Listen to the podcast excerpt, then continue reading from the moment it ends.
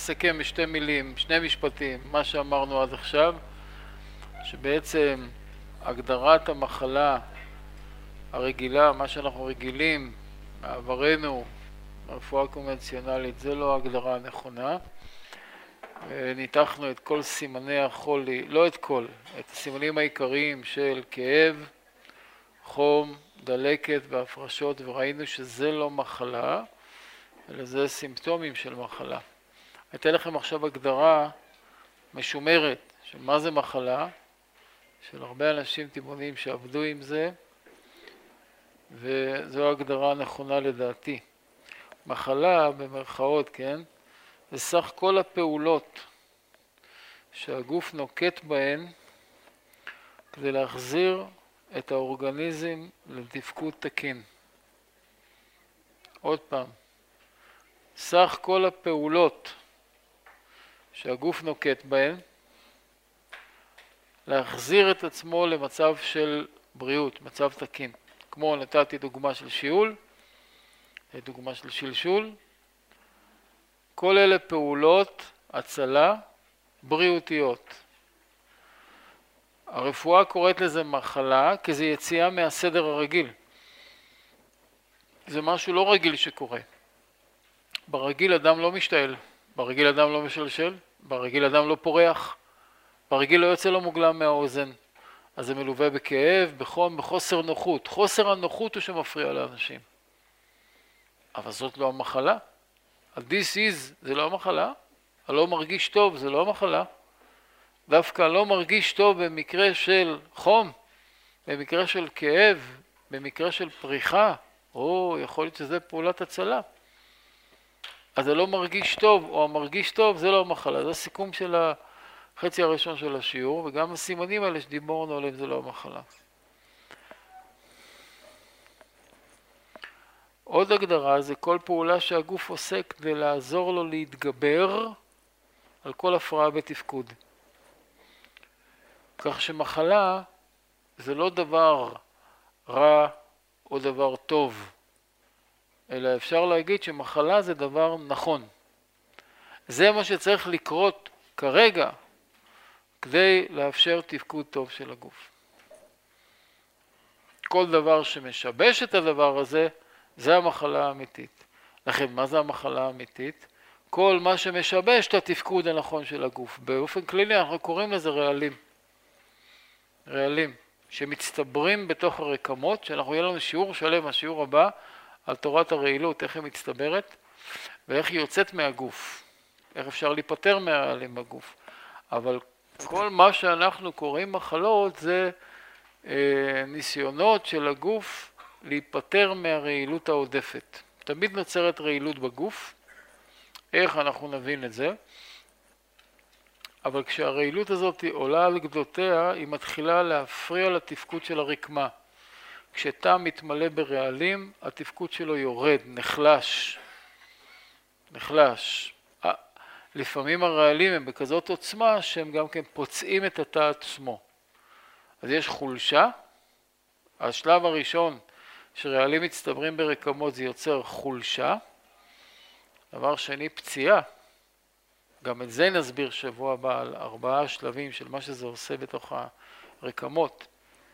אבל ברגע שיש סכנה לתפקוד של איזשהו איבר, הגוף מגייס את כל האנרגיה שלו לפלוט את הרעלים האלה מאיזשהו מקום. מאיזה מקום?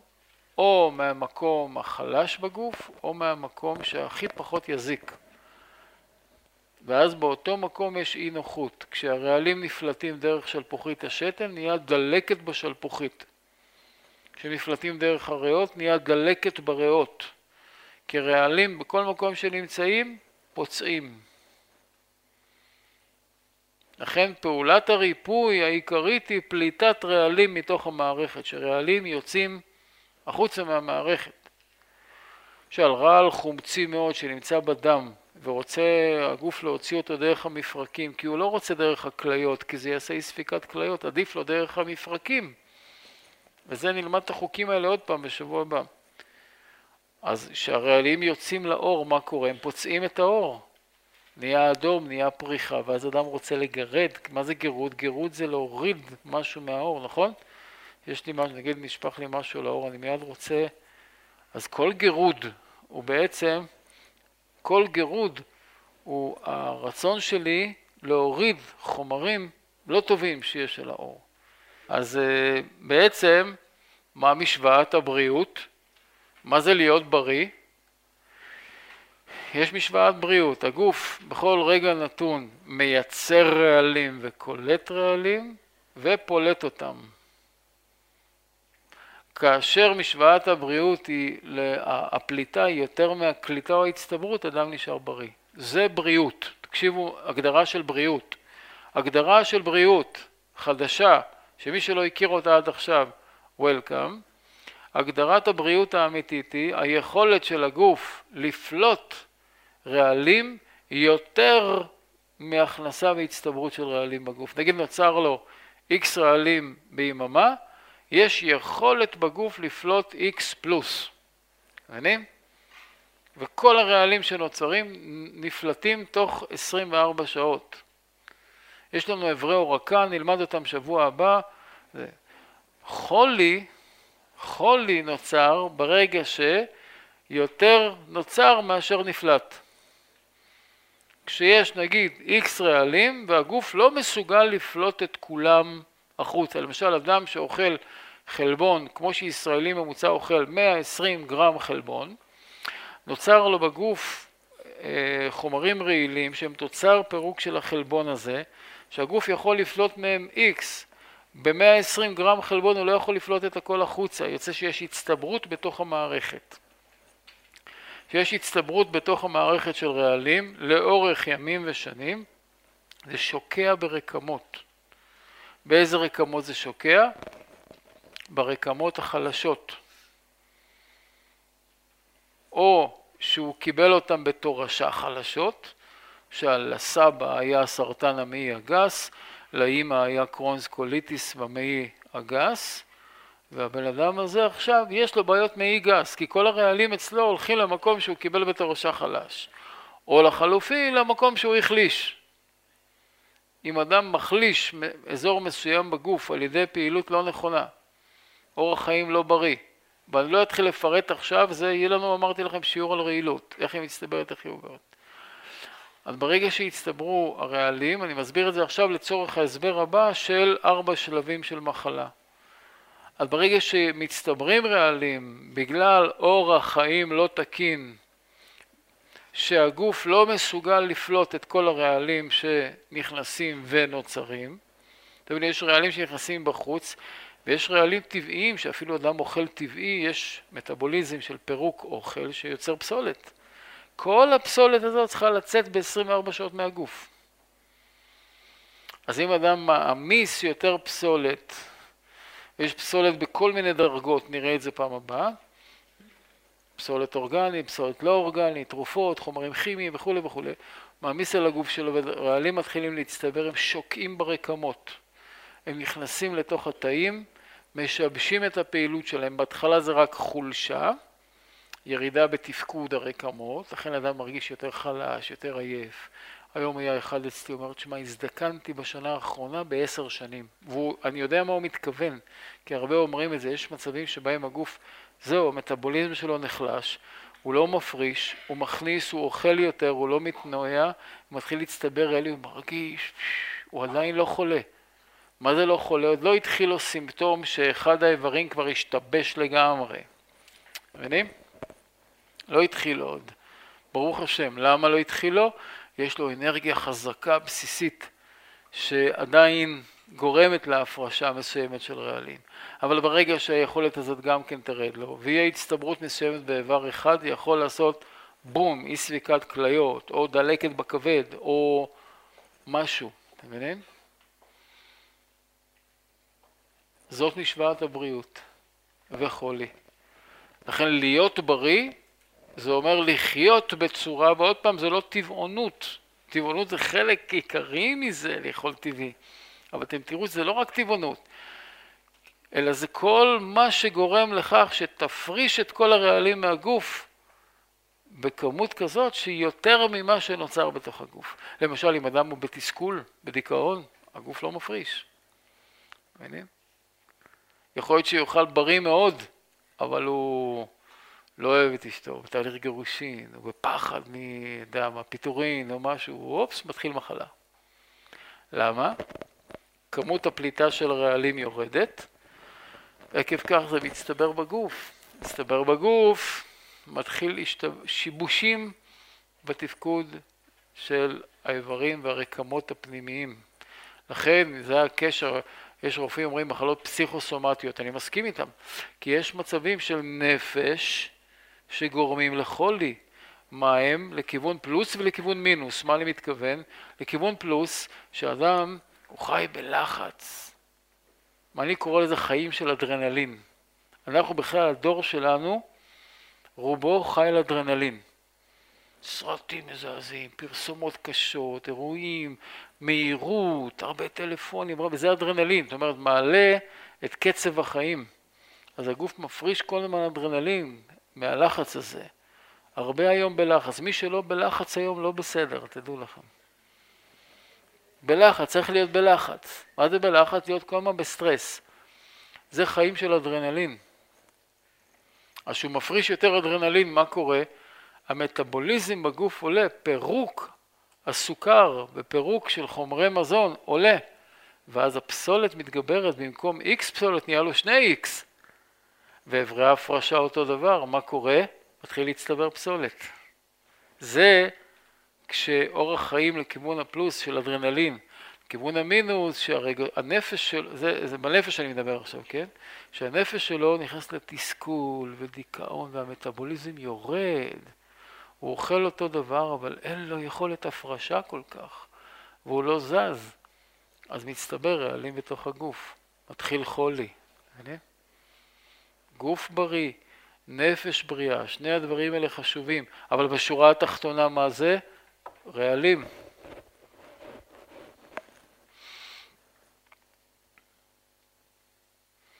לכן במשוואת הריפוי שלנו יש שלושה דברים. אחד, כמות רעלים בגוף. שניים, הרכב הדם. והשלישי, אנרגיה עצבית. אלה שלושת המרכיבים שאנחנו נדבר עליהם בהמשך. כמות הרעלים, הבנו עכשיו למה? פחות או יותר, נכון? שיעור הבא נבין יותר בעזרת השם. כמות הרעלים, הרכב הדם, כי אמרנו מה זה תהליך ריפוי? היכולת להחליף תאים מתים בתאים חדשים, תאים פצועים בתאים חדשים. אז אם הרכב הדם הוא טוב, יש לדם יכולת לבנות תאים חדשים. אדם שחי בלי ויטמינים, בלי מינרלים מספיק, כי הוא אוכל הרבה דברים אה, מבושלים וזה, ובלי חיות, בלי חיות, אז הרכב הדם שלו לא מספיק טוב. פה נכנס הקטע של התזונה. ואנרגיה עצבית זה כבר אל הבדולח, זה להיות מאוזן בנפש, לזרום בנפש. לאזן את הנפש מרגשות שליליים. שלושת אלה הם המרכיבי בריאות עיקריים שיש לנו.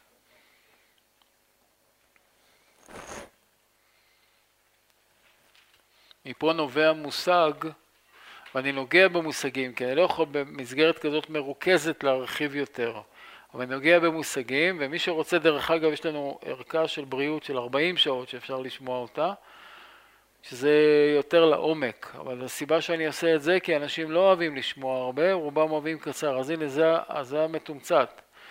מזה נובע שיש גורם מחלה ראשוני וגורם מחלה משני. גורם המחלה הראשוני זה מה שעושה את המחלה מיידית, כלומר הרעלים. רעלים צבורים ברקמה או שמגרים רקמה כמו את דופן הקיבה או דופן המעי, זה גורם מחלה ראשוני. גורם מחלה משני זה מה שגורם לראשוני. כשאדם אוכל לא טוב, שותה משקאות לא טובים, אוכל מאכלים לא טובים, התוצאה של זה זה פסולת. זה לא גורם מחלה, קוקה קולה זה לא גורם מחלה, אלא אם כן הוא גורם להצטברות רעלים, לכן הוא גורם מחלה משני. כלומר יכול להיות אדם שיאכל רע ויהיה בריא. למה? כי הוא מכניס הרבה רעלים אבל הוא מפריש אותם. אז זה לא מצטבר להיות גורם מחלה ראשונית, מבינים? גורם המחלה המשני, שזה מה שגורם לגורם המחלה הראשוני. כלומר, תהליך גירושין שגורם לאדם תסכול וכולי, זה גורם מחלה ראשוני או משני? משני. זה יכול לגרום להאטה שתגרום לרעלים, אז זה יהיה משני. כלומר, אורח חיים לא בריא, אורח חיים לא נכון, הרגלי חיים שגויים זה גורם מחלה, אבל משני. אתם מבינים? אחד יכול לאכול כל היום מטוגן וברזלים חלודים, הוא לא יהיה חולה. כי יש לו אנרגיה והוא שמח בעבודה והוא מפריש, כל, הוא מפריש, הוא עושה ספורט. אחד אחר יכול לאכול ממש מדויק, אבל הנפש שלו נעבך, לא הולך לו, והוא עצבני והוא מתוסכל וכו', אתם מבינים? אז הגורם מחלה הראשוני תמיד זה רעלים. זה תמיד רעלים. לכן לאכול נכון זה עוזר כי זה גורם לפחות רעלים. אבל זה לא ערובה לבריאות. הבנו עכשיו? ערובה לבריאות זה שיכולת ההפרשה שלך תישמר טובה ותוציא החוצה. מי שיש לו יציאה אחת ביום זה על הגבול, זה לא טוב. צריך שתי יציאות ביום. שלוש, שתיים, שלוש. אחד זה כבר על הגבול הנמוך, כי הוא אוכל שלוש פעמים ביום, מוציא פעם. לא טוב. מי שהשתן שלו לבן, לא טוב. למה, זה אתם תדעו את זה שבוע הבא, בעזרת השם. אבל, אבל צריך לשמור על אברי הפרשה פתוחים. האסון הכללי הוא הכנסה של יותר רעלים בלי יכולת להוציא אותם. מה גורם לסתימה של פתחי הפרשה? הזדקנות של אברי הפרשה, שאני אסביר את זה בעזרת השם בהמשך, ותרופות. תרופות הן גורם עיקרי, דומיננטי, בעצירה של הפרשה של רעלים מהגוף. עכשיו אני רוצה להסביר, מה זה בעצם פעולת, פעולת, פעולה שנקראת מחלה? פתאום נהיה דלקת בעור, נהיה הפרשה ונהיה פריחה, או פתאום נהיה, אני יודע מה, דלקת בכליות, בשלפוחית, מה זה? ברגע שמאזן הרעלים באיבר מסוים נהיה קריטי, כלומר מצטבר, מצטבר, מצטבר, עד כדי סכנה לאותו איבר, הגוף מגייס את כל הכוחות שלו. כוחות רגשיים, כוחות פיזיים, הכל, לעשות פעולת הצלה. מה זה פעולת הצלה? להפריש רעלים במסה חזקה, במסה גדולה, כדי לרוקן את המקום ההוא מרעלים.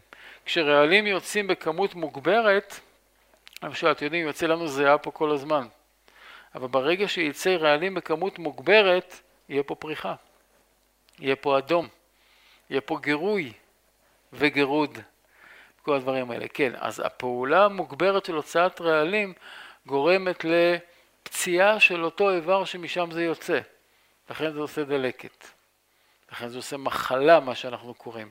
אבל אנחנו צריכים לתרגם את זה למה? פעולת הצלה של פליטת רעלים מתוך הגוף. עכשיו הדבר הזה, מה שאני רוצה להסביר היום כדבר לפני האחרון, זה שיש בהתפתחות הזאת של מחלות ארבעה שלבים. ארבעה שלבים.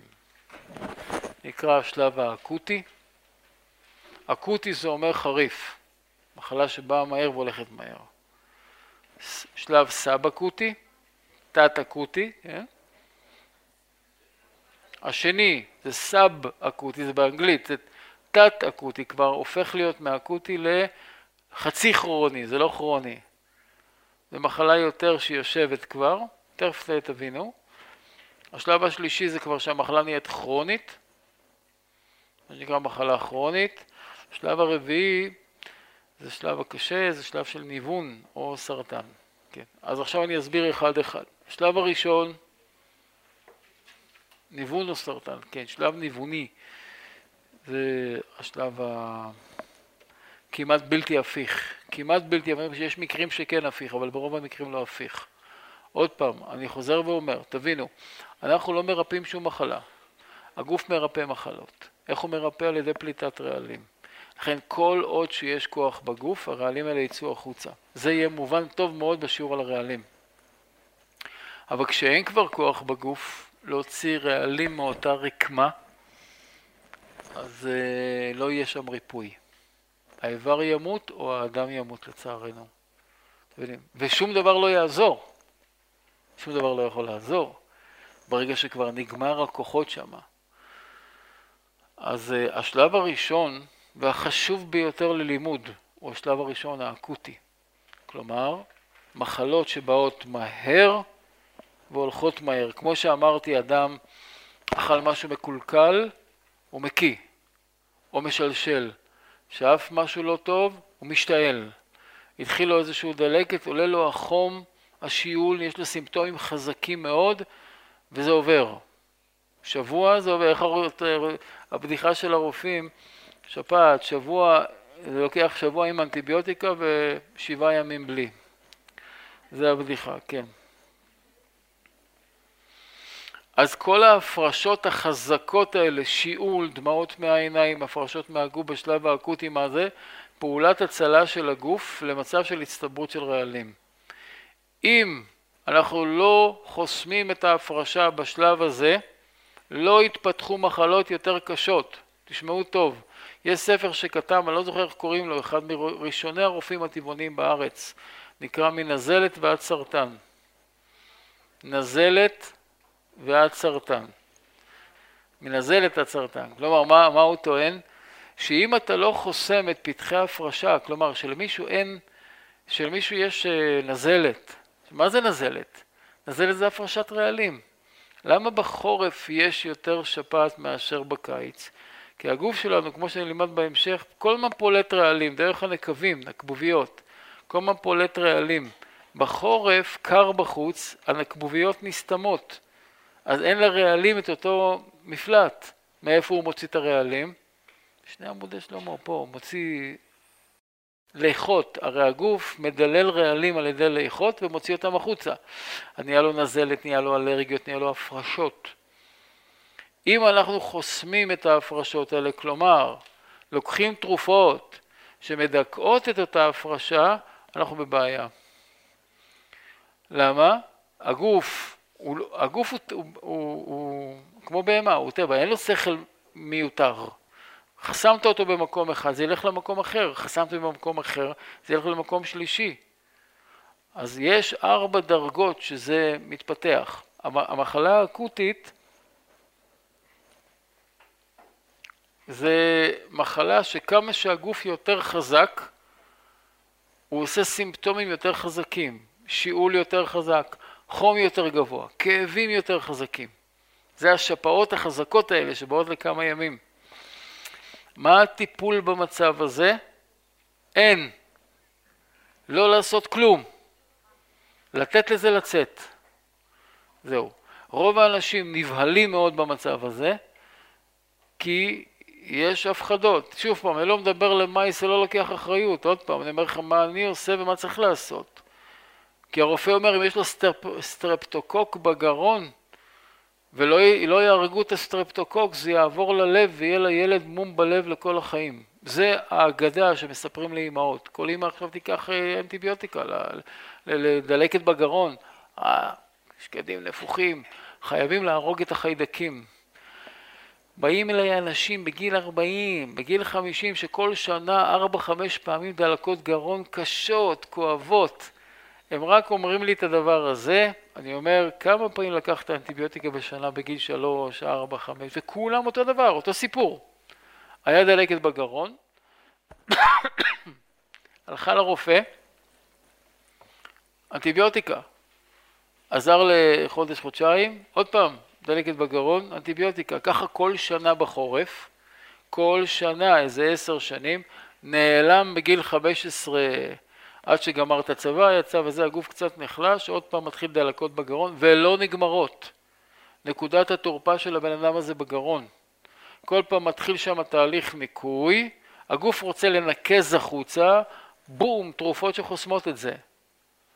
במקרה הטוב, תשימו לב, במקרה הטוב הדלקות גרון חוזרות והולכות והולכות והולכות. במקרה הרע זה יורד יותר עמוק, תכף נבין.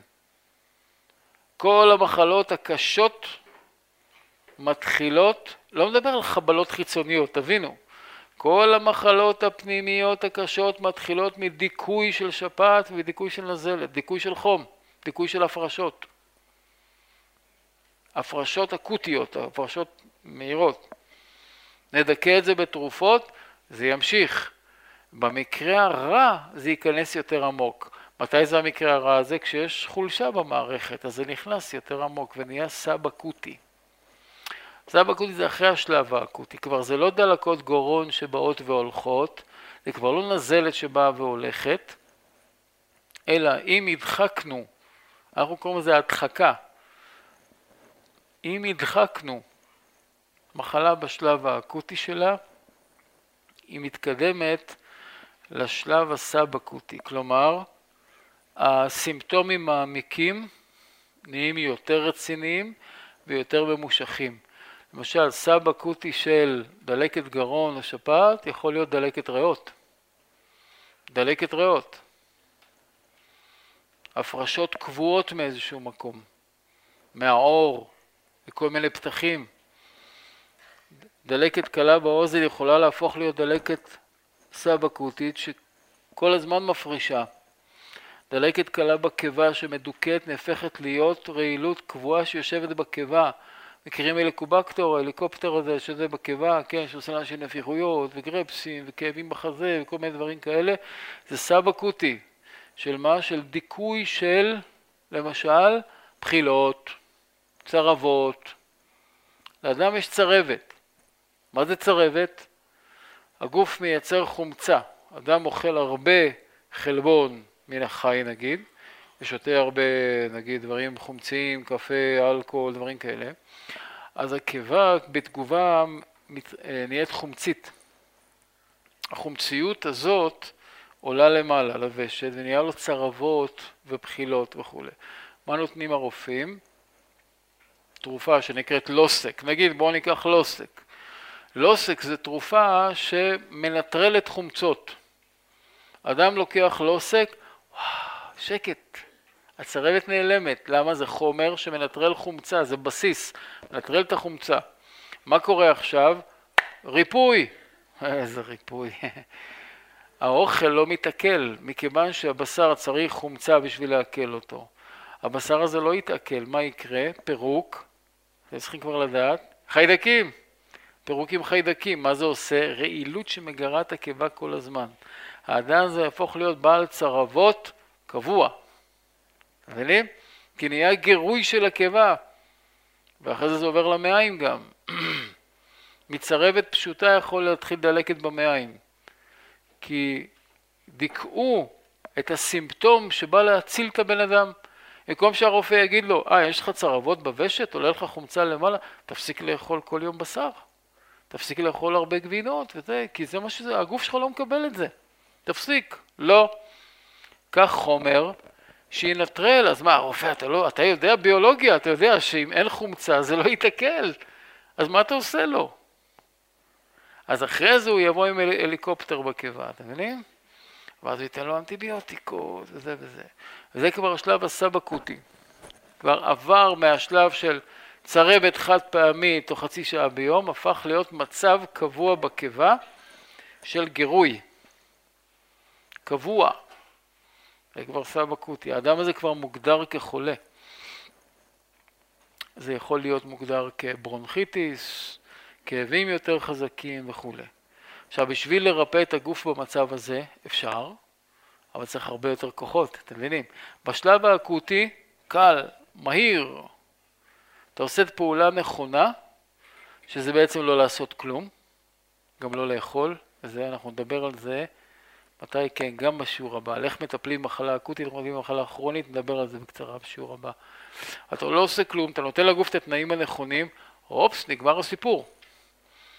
תראו דוגמה, אדם מקבל לחץ דם פעם ראשונה, אם הוא צם שלושה ימים במיטה, מים, קצת מיצים, זה לא חוזר. לא חוזר. אחרי זה שזה נהיה כרוני כבר יותר קשה. אז אם המצב כבר נהיה בריאות, סב אקוטי או בקיבה, הגוף פה צריך הרבה יותר אנרגיה ויותר זמן. בשביל לרפא מצב כזה, והוא עדיין ניתן לריפוי. זה השלב הסאב-אקוטי, אבל אם בשלב הסאב-אקוטי אנחנו גם מדכאים, כל פעם שיש דלקת ריאות, כל פעם שיש ברונכית, כל פעם שיש שיעול, אנחנו לוקחים תרופות ומשתלטים על המחלה. אתם מכירים את המילים האלה? המצב בשליטה. מה זה בשליטה? אנחנו מצליחים לדכא אותו בצורה יעילה. מה קורה עכשיו? המחלה נהפכת להיות כרונית. הרעלים שוקעים ברקמות באופן קבוע בתוך רקמות הגוף והמחלה נהפכת להיות קבועה. היא יושבת עמוק ומדי פעם היא מתפרצת. מכירים את המצבים האלה? של מחלות שמדי פעם מתפרצות. למה הן מתפרצות? ההתפרצות נחשבת לדבר רע, חזר לו החולי. מה זה אצלנו ההתפרצות? תנחשו. הגוף עכשיו עזר כוחות, הוא לא סובל את הרעלים שנמצאים בתוך הרקמות. ואז הוא אומר די לסבל, ועושה עוד פעם פעולת ניקוי. כל פעם שהגוף יוצא לפעולת ניקוי הוא מפריש את הרעלים מתוך התאים. מה קורה? דלקת, עוד פעם. הולך לרופא, אוי ויי, חזר הזה, אוגמנטין יותר חזק. מינון יותר גבוה. כי אנחנו צריכים לחסל את המחלה. אבל דוקטור יקר, אתה לא מחסל את המחלה, אתה מחסל את הסימפטום, את ההפרשה. את הריפוי, עוצר את הריפוי, ודאי. זה נקרא עוד פעם הדחקה. לכן, תפתחו ספרים של רופאים. עוד פעם, תבדקו אותי. מחלות כרוניות בלקסיקון שלנו זה מחלות שאינן ניתנות לריפוי, אתם שומעים? מחלות כרוניות, הגדרתן הרפואית בלקסיקון הרפואי, מחלה שאיננה ניתנת לריפוי. התקשר אליי נפרולוג אחד שבוע שעבר, שראה דיאטה שנתתי לאחד עם אי ספיקת כליות. הכליות לא עובדות כמו שצריך. ואז מצב הקריאטנין מתחיל לעלות, מי שמבין בזה וכולי וכולי. והוא ראה, הוא אמר לי, מה אתה עושה? למה נתת לו זה? אמרתי לו, ככה אנשים מתרפאים. הוא אומר לי, מה? לא יכול להיות, אנחנו ברפואה לא מכירים את הדבר הזה.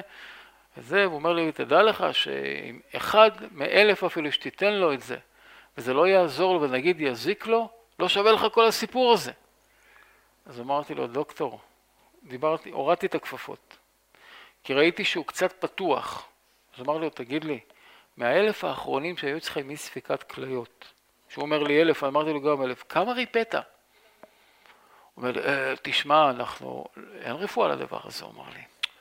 אין ריפוי. אז אמר לו, מה אתם עושים? אנחנו נותנים, אני יודע מה הם עושים. נותנים תרופות להאריך את הזמן, עד שמה, הוא לא אומר לי מה, אני אומר לו, מה, דיאליזה? הוא אמר לי, ודאי. אני אומר לו, אז אתה מתנגד שהבן אדם הזה יהיה בריא? הוא אמר לי, אני לא מתנגד שהוא יהיה בריא, אבל הוא לא יהיה בריא. אני אומר לו, איך אתה יודע? אתה מבין לי שבלקסיקון של הרפואה אין דבר כזה להבריא ממחלה כרונית. אתם, אתם שומעים? דלקת מפרקים, אין להבריא.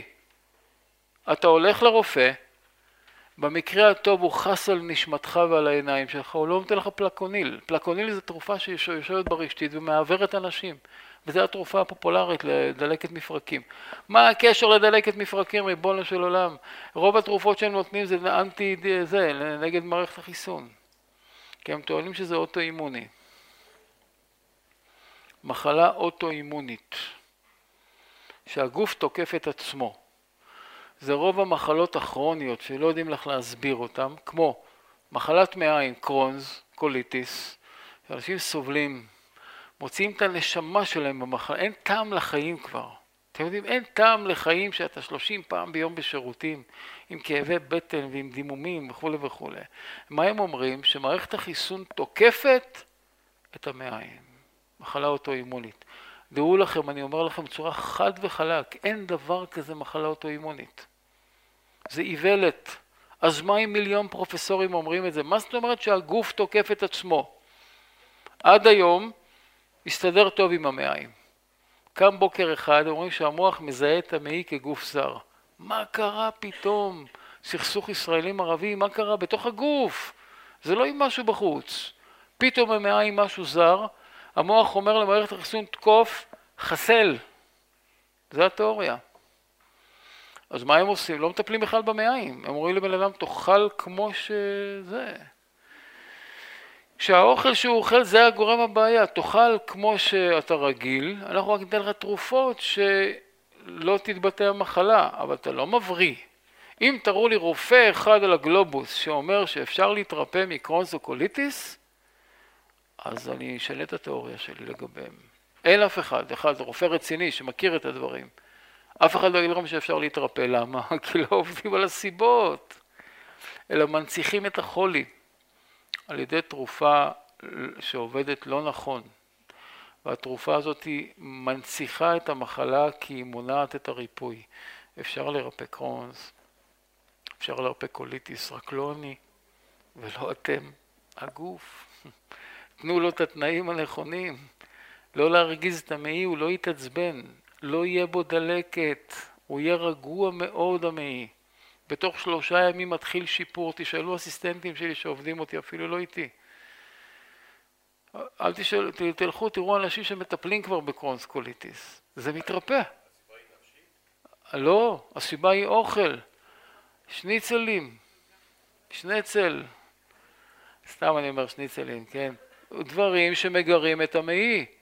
ופוצעים אותו מבפנים, רעילות. אני לא נכנס עכשיו לקרונס קולית, אני רוצה להסביר מחלה כרונית. למה הם אומרים שמחלה כרונית לא יכולה להתרפא? כי עוסקים רק בדיכוי של הסימפטום. מה הקשר למערכת החיסון? אז אם אתה תדכא את מערכת החיסון, בוודאי שלא יהיו סימפטומים, אבל לא יהיה ריפוי. מערכת החיסון היא מרפאה, זה התפקיד שלה בחיים. לעשות תהליך הריפוי, פגוציטים, כדוריות לבנות, לא ניכנס לזה עכשיו. שיעור הבא נדבר על דלקת יותר בעמקות, תבינו את הדברים האלה, אבל מה, מה העניין לרפא דרך דיכוי של מערכת החיסון? לא יעזור. לכן מחלות כרוניות לא מתרפות. הבשורה לעולם, למי שרוצה לשמוע, אפשר להתרפא כמעט מכל מחלה. כרונית, דלקת מפרקים, מיגרנות, לחץ דם, סוכרת, הכל. איך? לא לרפא. אל תנסה לרפא. תן לגוף את התנאים הנכונים, תחיה נכון, תחיה בשלווה, תחיה בשמחה, תנשום, תאכל מה שצריך, זהו, תהיה בריא. זה חוזר חזרה למצב, למצב הבריאות. לכן דיכוי של הסבא קוטי, שיש קצת שלשולים, גירויים, כאבים, מדכאים את זה, נהיה מצב כרוני. מצב כרוני כבר אין חזרה אחורה מבחינת הרפואה הרגילה. והמחלה הזאת היא דוגרת בפנים, מדי פעם מתפרצת, ואז מדכאים אותה עוד פעם, ואז היא עוד פעם מתפרצת, מדכאים אותה עד שהאיבר נחלש בצורה סופית, ואז הוא מתחיל להתנוון, תבינו. יש מצב שכבר אין לגוף כוח לעשות את פעולת הניקוי, כי כל פעם שהוא מנסה לנקות את הבית, פש, יורים בו עוד פעם, אז הוא נפצע, אז הוא עכשיו מחכה עוד קצת, מתרפא, מנסה עוד פעם לנקות את הבית, בום, עוד פעם יורים בו, לא ילך. מה קורה בסופו של דבר? תשאלו את הרופאים. גירוי קל בקיבה הופך להיות גסטריטיס. שמעתם במילה גסטריטיס? דלקת בקיבה. זה כבר השלב האקוטי. אחרי נהיה, נהיה קיב, מצב כרוני. הקיב הזה, אם לא נתפוס את הזה בזמן, נעשה את הפעולה הנכונה, יהפוך להיות סרטן. פשוט, תשאלו אותם, זה כך עובד. מה מקור הסרטן? שקיעה של רעלים בגלל דיכוי מתמשך. שקיעה של רעלים שנכנסים לרובד של התא ועושים שם שינוי כרומוזומלי. הם, הרעלים עליהם חומצים הם פוגעים, הם פוגעים, מאיפה בא הסרטן? סרטן זה מצב שבו יש שינויים בגנום, בכרומוזומים, או על ידי פציעה חיצונית של קרינה, כמו עולי לוב מסכנים שבאו לארץ, עשו להם קרינה לגזזת, שמעתם על זה? ארבעים שנה אחרי הם קיבלו סרטן בעור שמה. 40 שנה אחרי. למה? פגיעה בגנום, כשהגוף עדיין חזק הוא מצליח לבלוע את, את התאים המוטציוניים. אבל ברגע שהוא נחלש, זה מתפרץ. מה זה תא סרטני? הוא משתלט על כל הסביבה שלו, הוא נהיה זר, אי אפשר כבר לאכול אותו. וממה זה מתחיל? ממשהו שפוגע בגן. ואם זה מבחוץ קרינה, טוב, כמה יש שחוצים, היום דווקא יש הרבה עם קרינה עם כל מיני מכשירים, אבל הרוב זה מרעלים פנימיים ששוקעים ברובד התא ועושים שם בום. כשזה מגיע לרמה של סרטן או ניוון, שמעתם על ניוון שרירים, לא עליכם, לא על כל עם ישראל. ניוון, מה זה ניוון? שהתא כבר זהו, איבד את התפקוד שלו. השריר הזה איבד את התפקוד, לא מתפקד יותר. יש כל מיני סוגים של ניוונים. אז השלב הרביעי, אחרי הכרוני, זה הניוון או הסרטן. שם הריפוי הוא בסימן שאלה. למה? תבינו, עוד פעם, חשוב שתבינו את הנקודה הזאת, היא הנקודה הכי חשובה. הריפוי הטבעי לא עוסק בלרפא, בלטפל. הוא עוסק בלתת למערכת הזאת את כל האפשרויות, להוציא את המקסימום אפשרויות לתקן כל מה שמקולקל, לפי התנאים הנוכחיים. אז יש לנו חולי סרטן שבאו אלינו שלא רצו שום טיפולים. אני לא אומר לאף אחד לא לעשות טיפולים דרך אגב. אני, אני לא יכול לקחת על עצמי אחריות על הדבר הזה. אבל יש כאלה שבאים, לא רוצה, אתה בטוח? לא רוצה, אני שואל בטלפון, עד שהם באים לא רוצים. יש יותר מעשרה כבר שהתרפאו מסרטן לגמרי, בלי שום טיפול, סרטן במעי הגס, אוכלים נכון, עושים את הפעולות נכון, אין, עושים מסיבות, הודיה על השם. אחד בפרוסטטה, אחד בעור. יש, יש אנשים שמתרפאים, אבל אני לא יכול לקחת, לא יכול להיות בטוח בזה, למה? יבוא מישהו עם לחץ דם סכרת, חותם לך שזה יהיה בסדר, מי אני שאני אחתום? אז אני יודע שזה עובד. סרטן או ניוון זה כבר מצב שכבר הרקמות בספק אם הן יכולות להתחדש. אתם מבינים מה אני אומר? אז מי שיצאו מניוון, מניוון לא. יש ניוונים כמו ALS וכולי, השם ישמור שזה... לא ראינו אף מקרה. אולי מישהו ילמד אותי את זה, אני לא יודע, אני לא יודע איך זה, זה, אבל אין הרבה מה לדעת, תבינו, הטיפולים שלנו הם לא טיפולים. טיפולים זה רק להתאים לבן אדם, כמו שתראו בשיעור השלישי על התזונה, להתאים את הדרגת ניקוי המתאימה לכל בן אדם בשלב שלו, והגוף עובד. לכן, תראו, איך להגיד את זה רגוע, שהדברים האלה צריכים הרבה אומץ. מה בעיקר קורה פה? אנחנו עובדים, אני אישית, השם יעזור שלא נשבר באיזשהו שלב, עובדים נגד מערכות ענקיות שעובדות הפוך. וזה קשה. מה קשה? להילחם בתוך התודעה שלך. אני עברתי את השלב הזה, ברוך השם. השתבר שמו, עברתי את זה. ביטחון מוחלט. אבל אנשים שעוברים עכשיו ריפוי טבעי, והגוף שלהם מתחיל לפלוט, אומרים להם, אתה חולה, אם אתה לא תטפל בעצמך אתה תמות.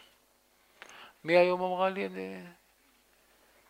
אה, כן, באה אישה, לא, לא אתן רמזים מה זה, שלוקחת איזה תרופה, בלוטה תתריס משהו. הנה יש פה אחות, היא תגיד לכם. זה, הפרופסור אומר לה, אם לא לוקחים את הדבר הזה יותר מחמישה ימים אפשר למות. מאיפה הבאת את זה, פרופסור יקר? מאיפה? זה הדרך הקצרה שלהם להגיד לו, אתה לא מפסיק לקחת את התרופה, אתה תמות. יודעים כמה אנשים באו אליי שכבר היה צריך להיות להם תעודת פטירה, שהרופאים כבר אמרו להם שבוע, שבועיים, היום הייתה גם אחת כזאת. גידול בגזע המוח וכולי וכולי. חיה, ברוך השם הולכת, מה אתם יודעים, רופא, איך אתה גוזר על מישהו שימות? מה עם חיים? מה עם בריאות? יש בריאות, יש חיים. אפשר להתרפא, אפשר להיות בריאים. לא חייבים למות. אבל כשאתה עוסק במערכת של דיכוי, כשאתה מדכא כל הזמן סימפטומים, זה, זה מתפתח. כמעט תרופות עושות, תחת בשורה התחתונה, סוגרות את, את הריקון, סוגרות את ההפרשה. יש פריחה על האור, אתה שם סטרואידים, משחה, פשט, נעלם, וואי, זה ריפוי פלא. מה זה עושה? סוגר את פתחי ההפרשה, משאיר את הרעלים בפנים. אחרי זה מתחיל אי ספיקת כליות, תשאלו למה. כי הוא משתמש כבר שנים בכל מיני דברים שסותמים את ה... את ה... זה. באות אליי נשים, סרטן השד. אז ישר אני שואל אותה, את כמה פעמים ביום את שמה פה חומר? פעמיים, שלוש. את מבינה שיש בזה רעלים? היא אומרת, למה? אני אומר, כי זה סותם את הלקבוביות. איך, איך זה יכול לסתום לקבוביות? הרי איך, זה, איך אין ריח כששמים דאודורנט? איך אין ריח? זה סותם נקבים. אז זה נכנס פנימה, מפה לפה זה חמש סנטימטר. תפסיקו למרוח את זה. אז יהיה לי ריח. אז מה את מעדיפה? לא, אני לא, אני, זה, לא, זה לא מצחיק. זה, כמה נשים בחברה המערבית עם סרטן השד. מה את מעדיפה? דאודורנטים, ריח טוב או בריאות? בריאות. איזה ריח רע? מי שאוכל טוב אין לו ריח רע. מי שאוכל נכון, תראו, אין ריח רע, לא מהאצבעות של הרגליים, לא מבית השחי, שאוכלים טוב. אין ריח רע. שאוכלים, מה אמרתי? אה, נכון, שאוכלים נכון, לא טוב, הוא צודק. אוכלים טוב זה סגולה לריח רע, נכון. אז תדעו שבשורה התחתונה 90 ומשהו אחוז מהמחלות שנקראות מחלות כרוניות, אקוטיות, סבקות, ניתנות לריפוי. איך? על ידי זה שלא נרפא. לא לעשות שום דבר שמתערב בסימפטום, אלא לתת לגוף להוציא החוץ את הרעלים בלי התערבות, ולעודד אותו כשצריך. איך מעודדים אותו? נלמד בשיעור של התזונה, בסופו יש לנו על מקלחות, מים קרים, ספורט, נשימה, יש הרבה דרכים לעודד פליטים מהגוף, וזה הדבר היחיד שאנחנו יכולים לעשות. אורח חיים בריא, שכולל למזער את כמות הרעלים בגוף על ידי פליטה שלהם החוצה, אה, לחזק את הרכב הדם במרכיבים טובים, שזה תזונה, ושלוות הנפש, שמחה. להיות בשמחה, לא תימלטו מזה שצריך להיות בשמחה, אין מה לעשות. חייבים להיות בשמחה. איך עושים את זה? בעיה גדולה בדור שלנו, אבל אפשר. תלמדו אין הבדולח. אז כן, אלה ארבעת השלבים של, ה... של הדיכוי. אז בשלב האקוטי הפליטה מהירה מאוד, לא לעשות שום דבר. יש חום, אנחנו נלמד מה לעשות, לשכב, לשתות מים, לא לאכול, לצום, אוויר צח, נראה את זה בעזרת השם. אז יוצא שיש רק מחלה אחת. המחלה היחידה היא הצטברות רעלים ברקמות. לא, נכון, אתה צודק עודף רעלים, אבל אמרנו זה גורם משני. אדם יכול לאכול הרבה רעלים ולא יצטבר לו. לכן המחלה היחידה היא הצטברות רעלים ורקמות. שזה מצטבר בכבד, דלקת בכבד, שמצטבר בריאות, דלקת ריאות. אין מושג כזה מחלת דלקת ריאות, אתם מבינים? אין דלקת ריאות שבאה מבחוץ לבן אדם. אין הידבקויות, אנחנו נראה את זה בתיאוריית החיידקים. זה לא מדביק. אם זה היה מדביק, כל הרופאים והאחיות היו חולים כל הזמן. יש מחלה אחת, לא גורם מחלה אחת. גורמי מחלה יש מיליון גורמי מחלה משניים. תבינו את זה. כל האורח חיים הלא בריא הוא גורם מחלה משני. אכילה לא נכונה, עצבים, כן? חטיפים, קרינה, אוויר מזוהם, מים לא טובים, כל זה גורמי מחלה משניים. מה זה גורם מחלה ראשוני? הצטברות של זה ברקמות, זה גורם מחלה ראשוני. אז יש רק מחלה אחת. עכשיו, יש רק ריפוי אחד. מה הריפוי? הסרת הסיבה, ומה הסיבה? גורם מחלה המשני, לא הראשוני. ברור? הריפוי, במה אנחנו יכולים להתערב? בזה שעכשיו האספרטיים שהוא שתה, הצטבר לו בכבד, אתה יכול להוציא אותו? מי יכול להוציא אותו? אני לא יכול, אני יכול להגיד לו, תפסיק לשתות אספרטיים. דיאט קולה, דיאט ספרייט נגיד, כן? אז אני יכול להתערב במה? בשינוי אורח חיים. מפה נובע הדבר השלישי, שהסיבה היחידה לכל המחלות זה הרגלי חיים מקולקלים. הרגלי חיים שלא מתאימים לטבע של האדם. הקדוש ברוך הוא ברא אותנו בצורה מסוימת, כמו שהוא ברא מכונית אחת על בנזין, מכונית אחת על דיזל. שים דיזל על בנזין והפוך, לא יעבוד טוב. יעבוד אבל לא טוב. אז אם אתה נותן למכונה שלנו את התנאים הפיזיים והרגשיים הלא מתאימים על פי הטבע, זאת הסיבה להצטברות של מחלות, להצטברות של רעלים. כלומר גורם מחלה משני. לכן המח... הסיבת החולי היחיד זה הרגלי חיים לא טובים. לא חיידקים, לא וירוסים, לא שום דבר אחר. הרגלי חיים לא טובים. הריפוי היחיד זה שינוי הרגלים. כלומר, אם אדם מסרב לשנות הרגלים, הוא רוצה להמשיך בחיים שלו כרגיל, עם המתח שלו בעבודה, עם האוכל שלו, עם העצבים שלו על אשתו, הוא רוצה הכל כרגיל, ולקחת משהו בשביל משהו טבעי, הוא רוצה רפואה טבעית, איזה פטריה קוריאנית, איזה אה, אשליה סינית, איזה משהו, הוא רוצה משהו להתרפא. הבל הבלים, זה לא עובד. זה יעשה לו טוב בנפש, הוא לוקח עכשיו משהו טבעי. ג'ינסנג, הוא לוקח משהו... אם לא יסיר את הסיבה לחולי, לא יהיה ריפוי. שלא ימכרו לכם לוקשים, העולם מלא מסחר היום. מה המסחר? תקנה ויטמינים, אתה לא אוכל טוב, תקנה ויטמינים, מינרלים, יש כל מיני כאלה חברות שמייצרות, מייצרות. אחרי תרופות פסיכיאטריות, ויטמינים, מינרלים באירופה זה הכי נמכר, תדעו לכם. 60-70 אחוז מהאנשים נמצאים על איזשהו ויטמינים מינרלים. יודעים כמה כסף זה? איזה אשליה זאת, ויטמינים הרי זה רעל.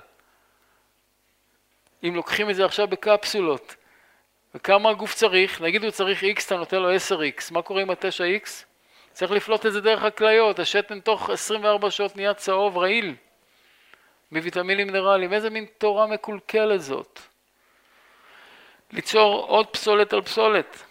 לא אכלת טוב, בוא ניתן לך עכשיו משהו שיהיה גם כן פסולת, שירגיע לך עיקר את הנפש, אתה לוקח עכשיו קומפלקס, תסבוכת קומפלקס אתה לוקח. בשביל מה כל הדברים האלה? תחזור לטבע שלך. פשוט, זול. אל תקנה שום דבר, אתה לא צריך שום מנורות, שום דבר, חוץ ממסחטת מיצים גם לא חייב. לא צריך שום דבר. אבל השינוי הרגלים, תקשיבו, זה הריפוי היחיד. אין ריפוי אחר, רק שינוי הרגלים. וזה הקושי. פה נקודת תורפה של הבריאות הטבעית. כי קשה לאנשים לשנות הרגלים. אבל מי שרוצה ריפוי בלי שינוי, לא בבית ספרנו. אני לא יכול, אני אוהב אותך מאוד אחי, אבל לא, זה לא יעבוד. זה לא יעבוד. יש אנשים באים משכנעים איתי רוב הפגישה שאפשר אחרת, בלי לשנות תזונה. אני אומר לו, אני רוצה, אבל אי אפשר. אני אעשה לך healing killing, אני אעשה לך אנרגיות, מה אני אעשה לך? אתם מבינים כמה מוכרים אשליות לאנשים? אני רוצה לראות ריפוי. מישהו עם סכרת טייפ 2, אני רוצה שיהיה בריא. עם לחץ דם, שיהיה בריא, אם לא, לא בבית ספרנו. ומסתבר בשביל להיות בריא, זה קל, קל. אם אדם עושה שינוי. קל מאוד. אני אומר לכם, אנשים הגיעו אליי במצבים שלא נתנו להם סיכוי, אמרו להם חצי שנה, שנה עם המצב, ובאמת הבנתי את הרופאים. אבל בן אדם שמתעקש ועושה מה שצריך, ומתחיל לנקות את הגוף שלו, ומתחיל לנקות את הנפש שלו, יוצאים ממצבים שאין, בן אדם אומר, אני נולדתי מחדש, כאילו זה לידה מחדש ממש. למה? שינוי הרגלים זה שינוי גורם מחלה שני, ואני לא ראשוני, המשני. ממילא הראשוני, אנחנו נלמד שבוע הבא, ברגע שאתה מפסיק את המשני, מיד הראשוני מתחיל להשתחרר. פלא פלאים. יוצא שכל אחד יכול. מה צריך לעשות? פשוט, פשוט, פשוט. ללמוד את השיעורים האלה, ללמוד מה גורמי מחלה משניים, זה נלמד שבוע הבא, מה זה רעלים, מה טוב לגוף, מה לא טוב לגוף. נלמד את הדברים האלה, תשנה אורח חיים, לא צריכות להיות מחלות. אל תפחד. כי תראו, אנשים שומעים, אחד משלושה יהיה חולה סרטן, כל אחד אומר, תמיד זה אצל מישהו אחר, לי זה לא יקרה. עד שזה חס ושלום, אתם מבינים? עכשיו, אני לא בא להפחיד אף אחד, אבל למה לחכות לזה? למה לחכות שזה יגיע? למה לא לקום להגיד, אה, ah, הבנתי, אני עושה. אל תעשה 100%, בסדר, תעשה 80%. אבל תעשה. תחיה לפי העקרונות האלה. עוד פעם, אני לא מטיף שכולם יהיו טבעוניים. דבר ראשון שאני מטיף, לא לסתום פתחי הפרשה, תיזהרו. לא לדכא פעולות הצלה של הגוף. זה הכי חשוב, יותר מהתזונה. כי נגיד אכלת לא טוב, יוצא לך עכשיו פריחה, או שאתה עכשיו עם שפעת, אל תדכא את זה. לא לסגור, תודה. לא לסגור את זה. תשאיר את זה פתוח. להבין את העקרונות האמיתיים, מה זה בריאות, מה זה מחלה. בריאות זה מאזן רעלים חיובי, לטובת ההפרשה. מחלה שרעלים מצטברים בתוך המערכת, וכולי וכולי. וואו וואו. אוקיי, אז מה הבנו סיכום של השיעור הזה? מחלה זה לא דבר רע, זה לא דבר טוב. מה זה? דבר נכון. כל מען דוד רחמנה לתו אביד. הכל טוב. אם נסתכל על זה ככה, נשתף פעולה עם הטבע, בעזרת השם, תודה. כן. טוב, אני עובר לשלב השאלות, כי אני רואה שיש הרבה, זה ארבע דקות, שלוש דקות לפני הזמן. הפרשת מוגלה חוזרת מהאוזן, ילד בן שנה וחצי. אוקיי, הפרשת מוגלה זה אומר שנוצרת מוגלה, נוצר רעלים איזושהי סיבה, צריך להפסיק את הסיבה לזה, אני נותן רק רמזים, בדרך כלל זה קמח לבן, סוכר לבן, מוצרי חלב. יפסיקו את הטריולה הזאת של לבן, לבן הארמי, כן? קמח לבן, סוכר לבן, מוצרי חלב, תוך שבוע, שבועיים, בדרך כלל יש רגיעה. בדרך כלל, אני לא ערב לזה. אם המחלה היא הצטברות רעלים, נשמע שחשוב יותר פעולות, פעולית גופנית מאשר תזונה נכונה. שניהם חשובים לדברי הרמב"ם כמעט באותה מידה, אבל הוא אמר שהאוכל יותר חשוב. אני עוד פעם, הרמב"ם זה אצלי הסמכות, תבינו. הוא אמר, עיקר החולאים בא ממאכלים יתרים, ועיקר הריפוי הוא משינוי באוכל. הוא אמר, התעמלות, אה, פעילות גופנית, אין לה תחליף, יאכל הכי טוב, בלי התעמלות לא יהיה בריא לגמרי, אתם מבינים? אז הוא אמר שני הדברים האלה, אבל אני לא אומר שפעילות יותר חשוב מאוכל. כי אני מכיר אנשים שרצים עשר קילומטר ביום, וחולים. אתה בודק את התפריט שלהם, השם ירחם. הם חושבים שזה שהם רצים מכפר. אז תדעו, כל מרכיבי החיים, אוכל, התעמלות, שינה, אוויר, נפש, לא יכול לבוא אחד על חשבון השני, אם הבנתם מה אני אומר. אתה לא יכול לעשות הרבה התעמלות ולהמשיך לאכול המבורגרים, ואם אתה אוכל כל יום, לא, זה לא יכול להיות שזה יעבוד, אתם מבינים?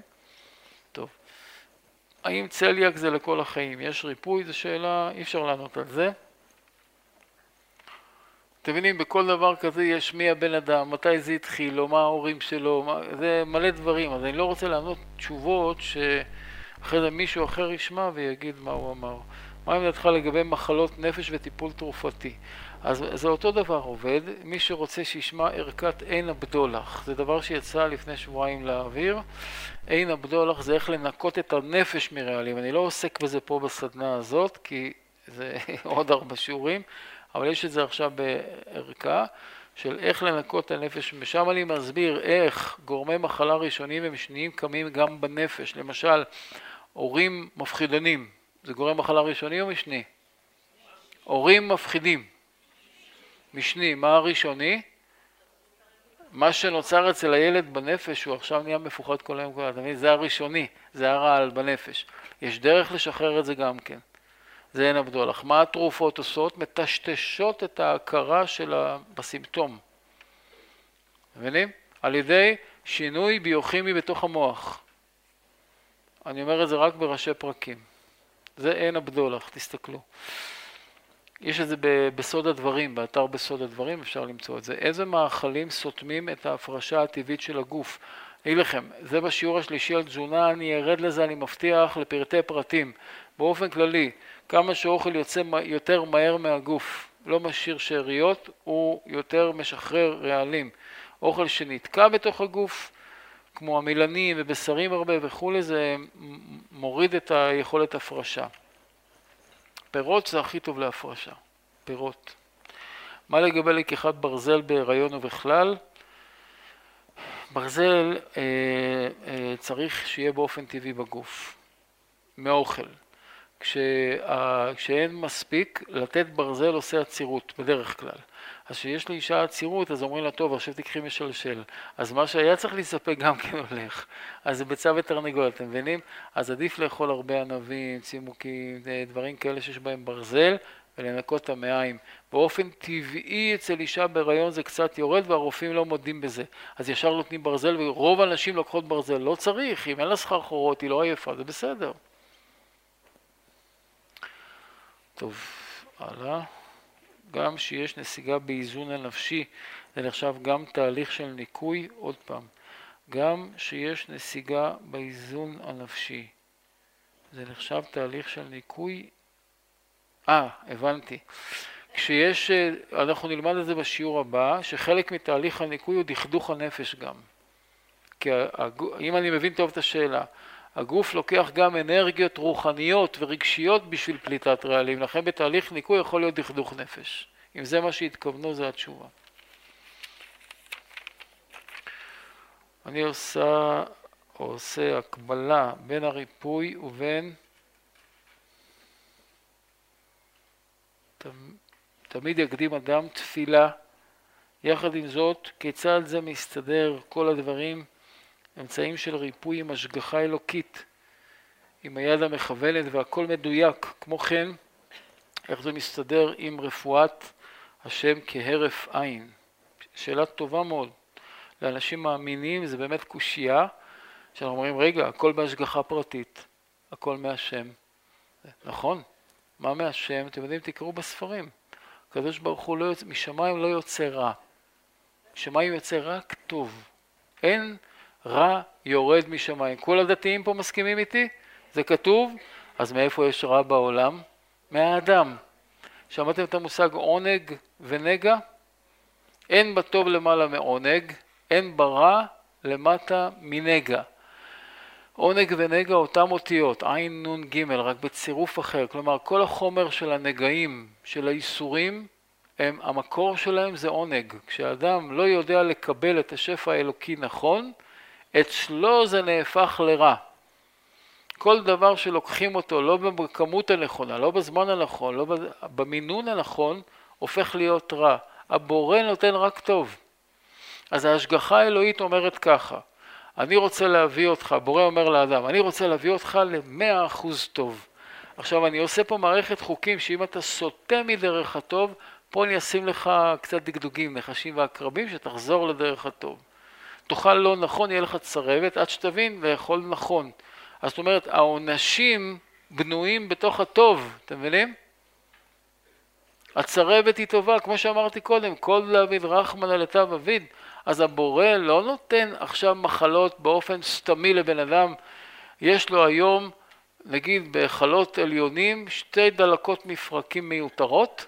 עכשיו אומר דין דון דין דין, מי אני אתן את זה? אה, הנה הוא נראה לשם מתאים, בום, נדבק בדלקת. זה לא ככה. יש סיבה ותוצאה. פעולה ותגובה, אחרת אנחנו רגעים בכאוס, בג'ונגל, וזה לא נכון, אנחנו חיים במקום מאוד מסודר. מחלות זה דבר מסודר ביותר, מאורגן להפליא. ותמיד יש סיבה, אם אתה אומר שאין סיבה, אתה אומר הקדוש ברוך הוא מתנהג עם הבריות שלו בכאוס, וזה לא ככה. יש סדר אלוקי מופתי. הפעולות שלך מייצרות תגובות. וצריך להקדים תפילה לכל דבר. יתר לחץ דם גבוה, 170 גרם, יש גבר צעיר בן 39, שיהיה בריא. לא אוכל מלח, בשר, קפה, כל יום עושה ספורט, גם נוטל תרופות להורדה. טוב, אני לא יכול לענות על זה.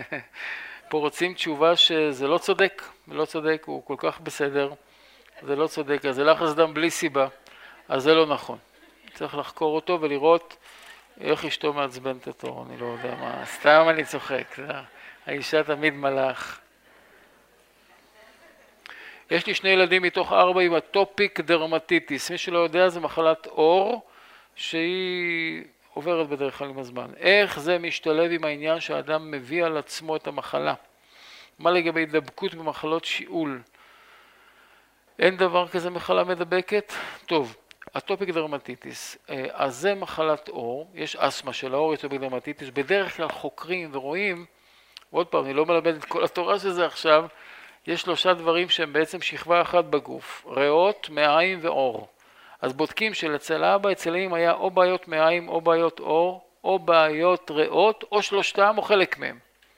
אז הילדים נולדו עם השכבה הזאת קצת חלשה. עכשיו, אם אוכלים כמו שההורים אכלו, מקבלים את אותם דברים, בדרך כלל הם יפתחו את אותם דברים, תבינו. ברידולוגיה, בגיל חצי שנה, עושים צילום עין לילד, רואים שמצבורי הרעלים, פעם למדתי את זה בצורה עמוקה, אני לא משתמש בזה היום, אבל רואים שמצבורי הרעלים זה כמו אצל האמא, כמו אצל הסבתא. למה? כי היא נמצאת תשעה חודשים ברחם שלה. היא מקבלת ממנה את כל מה שהיא אוכלת, כל מה שזה, הכל עובר לילד. אז הילד נולד עם מצבורי רעלים שהיו אצל ההורים. עכשיו, אם הוא משנה את אורח החיים שלו, הוא לא יהיה חולה בזה. כלומר, מחלות ילדות זה דרך לפלוט את הרעלים שקיבלו מהדור הקודם. ולהתנהג לא נכון מחלות ילדות, אז זה מנציח את זה גם כן. ואני פשוט אומר את זה בכזה ביטחון, כי אני כל הזמן מתשאל אנשים, תבינו, כל הזמן מתשאל אנשים, וזה אחד לאחד. זה כמעט אין פספוסים, שזה עובר. רגע, מה לגבי הידבקות מחלות שיעול? טוב, הידבקות, לא תכננתי לדבר על זה עכשיו, אבל זה דבר שהוא לא נכון, העניין של הידבקות וכי מה זה הידבקות? אומרים שחיידקים עוברים מאחד לשני ומדביקים אותו באותה מחלה. אז אם אנחנו יושבים פה עכשיו חלונות סגורים, כולם נושמים, ונגיד 10% פה יש להם סטרפטוקוק ברמה קצת יותר גבוהה, כולם צריכים לנשום את זה עכשיו, נכון? כי זה מתערבב באוויר. צריכים כולם לצאת מפה חולים. רופא במחלקה, ראיתם פעם בבית חולים? בטח ראיתם בית חולים. חלונות סגורים, חימום, אין אוויר, אין סירקולציה של אוויר, שוכבים שם חולים, לא בריאים. ויש להם חיידקים? בוודאי שיש להם חיידקים. למה הרופאים לא חולים? ההדבקה זה נושא בפני עצמו, אני אדבר עליו בעזרת, אני לא רוצה להתחיל את זה עכשיו כי זה ארוך. אז אין דבר כזה מחלה מדבקת. האם במקרה של צליאק הגלוטן הוא הרעל? הגלוטן פה אסור לאכול גלוטן, פשוט. זה מה שהטבע של הבן אדם הזה אומר, בינתיים. או שיש מצב לאכול גלוטן. לא, הגוף לא סופג גלוטן עכשיו, אז לא לאכול גלוטן. כמו הרב מתקשרת אליי, הרב, אני, יש לי אלרגיה לשמש, וכשאני יוצאת לשמש נהיה לי פריחות, אז uh, מה אני אעשה? אני אומר לה, אל תצאי לשמש. מה את רוצה שאני אגיד לך? נשנה את השמש בשבילך או את האור שלך? אי אפשר. זה בינתיים ככה, כנראה יש משהו שהיא קיבלה בתור השעה, רגישות באור או משהו, צריך לחקור ולראות. אם לא מתערבים, לא לוקחים תרופות וכולי בשלב האקוטי, אבל לא עושים שינוי תזונתי נפשי, מה ההשלכות? יכול להיות מצב חמור מאוד. אם לא עושים שינוי תזונתי, אם הדבר האקוטי הוא שפעת רגילה וכולי, ואדם רגיל לאכול רע, והוא ישכב עכשיו במיטה, יעשה צום עם מים וכולי, זה יצא ממנו, זה יעבור לו. אבל אם זה דברים יותר אה, כבדים, בן אדם ממשיך לאכול תוך כדי המחלה שלו וזה מעמיס על הגוף שלו, יכול להסתבך. מה גורם לגידול סרטני בשל פוחית השתן? אין גורם אחר לזה או לזה, אלא זה תמיד חומציות, רעילות ששוקעת באיברים. מה עוזר להפריש רעלים? בשיעור הבא אני מבטיח לענות על זה, בסדר? אני לא אענה על זה עכשיו. דרך לעודד הפרשת רעלים. תזונה וספורט, אנחנו נדבר על זה. סאונה טוב או רע זה רע, לא טוב סאונה, כי זה פליטת רעלים חיצונית, זה חום חיצוני שמייבש את הבן אדם. זיעה טובה זה זיעה שנוצרת מפירוק רעלים, מפעילות גופנית. חום חיצוני לא טוב. אין לזה שום תועלת, עשו על זה מחקר, ראו את הזיעה שיוצאת בסאונה, אין בה כמעט רעלים. זה רק לקרר את הגוף, זה לא מוציא רעלים. הזיעה הטובה היא זיעה שהיא מפעילות גופנית. נזלת הפרשת רעלים, משיכת, נז... משיכת נזלת, טוב או רע, לא טוב למשוך נזלת, להוציא אותה החוצה. רוב האנשים לא יודעים לקנח את האף, הם עושים, הם מנפחים את זה, ואז מכניסים את זה יותר עמוק. מה צריך לעשות שמקנחים? סליחה שאני מדבר על דבר כזה טיפשי כאילו, אבל זה מאוד חשוב לדעת איך לקנח את האף. לסתום צד אחד ולהעיף החוצה זה בלי שום, לא לחסום. כי אז זה מנפח את העורקים בפנים. מה? מה הבעיה? מה הבעיה? אם יש לה אף, כן, מה זה קשור לאישה? האם נכון לומר כי אי הדחקת מחלה אקוטית סוף למחלות? זה יעזור מאוד מאוד לא להדחיק מחלה אקוטית. מה לגבי שימוש בקנאביס רפואי? זה דמיונות של הדור שלנו. לתת סמים לבני אדם כדי שלא ירגישו את המחלה שלהם. זה לא שונה מסטרואידים, מרטלין, מכל דבר, מצאו קנאביס. מה הקנאביס? ראיתם מישהו שהתרפא מקנאביס? ראיתם מישהו? מרגיע, בסדר, גם כן אם תראי בו והוא יזה, אז לא יהיו לו שום סימפטומים. מה זה אתם מרגיע? זה לסמם את הבן אדם לגמרי בסוף? אז בסדר, תגידו לי, הבן אדם מאוד מאוד סובל והוא בחר לא לסבול. בסדר, אני לא מתערב בהחלטה. שואלים אותי, ומה לגבי טיפול עם... אין טיפול עם קנאביס. לא יכול לקחת דבר שמסמם את הבן אדם ולרפא אותו, לא יכול להיות. ברור. למה כל כך קשה לקבל את זה? כי זה הרבה בטלוויזיה וזה כל הרבה מדברים על זה? תקשיבי עוד פעם, מבחינת הבריאות הטבעית, כל דבר שסותם סימפטום, שמעלים סימפטום, מחמיר את הבעיה, ולא תשכנעו אותי אחרת. שיהיה קנאביס, שיהיה פטריה, שיהיה אוזון מרוכז מאיזשהו כוכב נוגה, זה לא משנה לי מה. איך מטפלים בהפרשות כרוניות מהאוזן? אז אמרתי על זה קודם, אני חושב, על, על להפסיק לייצר לחות. אה, סיבות לחוסר איזון בלוטת התריס. מה עושים כדי לאזן בלי אלטרוקסין? אני מצטער, זו שאלה עמוקה וחשובה שאני לא יכול להתחיל עם זה עכשיו. לא יכול. הייתי רוצה מאוד לעזור, אולי אם יישאר זמן באיזה שיעור אחד אה, מהבאים, אני אדבר על בלוטת התריס. איך יודעים מה הסיבות למחלות? אז אה, אני חושב שבשיעור הבא שנדבר על רעלים ומה זה רעלים ומאיפה המקור של הרעלים, שם הסיבות למחלות, הגורם מחלה המשני. כן? מה עם מחלות אחרות מאלו שברור שמהוות תהליך ריפוי לניקוי? כמו כאבים חזקים בכפות רגליים דווקא במנוחה. נו, מה, לא מבין את השאלה. כאילו רומזים שיש פה סיבה אחרת. הרבה פעמים הכאבים האלה באים מרעילות. תקראו ספר של ג'ואל פורמן, הוא כתב ספר, הוא, הוא היום מאוד uh, טבעוני, מרפא בניו יורק, מאוד מאוד חזק, הוא היה ספורטאי כזה של סקי קרח, היה בדרגה מאוד גבוהה ונהיה לו דלקת ברגליים, בקרסוליים. ועבר מסכת איסורים גדולה עם הרופאים עד שברח מהם וברח לשלטון, עשה צום 47 יום על מים והתרפא לגמרי, יצאו לו כל הרעלים. מה גורם לליכות? נסביר את זה שיעור הבא בעזרת השם. מצטער שאני אומר כל הזמן שיעור הבא, כי העניין של ללמוד את הרעלים הוא מאוד מאוד חשוב, את פעם הבאה. האם קטניות שהחמיצו זה אוכל מקולקל? זה חומצי, כן, זה התחיל לרכב. חומוס בעיקר. מה? לאכול כדי לחיות. eat to live, לאכול כדי לחיות.